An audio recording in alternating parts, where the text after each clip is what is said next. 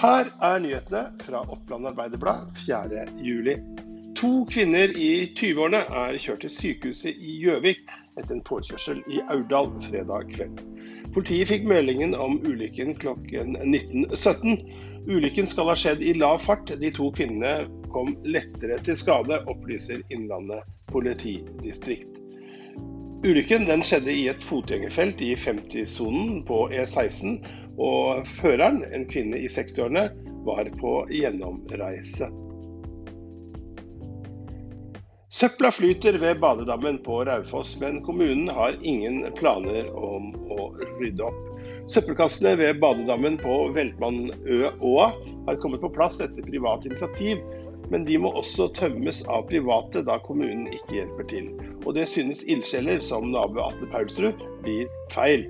Vi har gjort mye på dugnad, men det blir ikke riktig at vi lokale skal betale for å kaste søpla, sier Paulsrud til Oppland Arbeiderblad.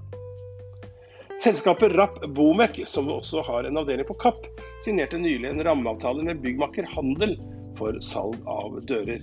I en pressemelding opplyser Rapp Bomek at selskapet har fått tildelt en rammeavtale med Byggmaker Handel. og Avtalen innebærer at Rapp Bomeks dører skal selges i alle Byggmakers varehus over hele landet. Et sleivspark fra Ole Kristian Lauli serverte Tromsøs Lasse Nilsen en gratismulighet, og det avgjorde Raufoss første seriekamp. Det er en fæl følelse å gjøre feil som fører til at vi taper, sier eh, Ole Kristian Lauli etter en jevn og tett kamp på Alfheim stadion i Tromsø, som endte med 1-0-seier til de nordnorske favorittene. Etter tolv år med hardt arbeid kan Kjetil Larsen innkassere milliongevinsten. Han sitter igjen med pene 25 millioner kroner etter at han selger deler av sitt livsverk energi- og miljøutvikling til Trønder Energi. Ingenting har kommet gratis. Det har vært lange dager og korte helger helt siden vi startet opp i 2009. Nå har jeg forhåpentligvis tid til å bruke mer tid på hytta, sier gründeren Kjetil Larsen.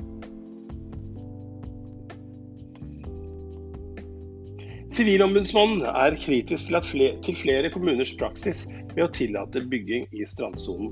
For mange søknader innvilges, mener Sivilombudsmannen.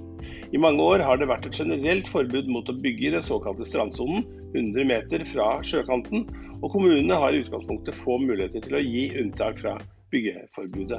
Men i praksis så har det snarere vært regelen enn unntaket å få tillatelse, viser undersøkelsen fra Sivilombudsmannen. Etter å ha gjennomgått 865 vedtak i perioden 2016 til 2019 i kommuner i Sørlandet, så har Sivilombudsmannen nå reagert, skriver Dagens Næringsliv. Vinden hadde stilnet, og det begynte å lysne utpå fjorden. Og plutselig så smalt det i snella til en fersk mjøsfisker. Og gliset det var ikke til å ta feil av, for dette eh, var eh, en mjøsfiskers eh, adrenalinopplevelse nummer én. Eh, eh, Torjus Dybdal Ødegård og pappa Thomas kom i land eh, fredag og fikk veid den røslige mjøsørreten som eh, Torjus fikk på kroken. Og den viste seg å være 87 cm lang, 8,3 km. Garvede dorgere kan fiske på Mjøsa i årevis uten å få en slik sværing på kroken. Og dette var Torjus sin sjette natt som ordentlig mjøsfisker. Det var fryktelig morsomt, sier Torjus da han snakker med eh, OA etter noen timers eh, søvn. Dette var noen av de nyhetene du finner i Oppland Arbeiderblad i eh, dag. Gå inn på oa.no for å få med deg flere av nyhetene som avisen bringer nå i helgen. Mitt navn er Erik Sønsterli, og jeg sier på gjensyn.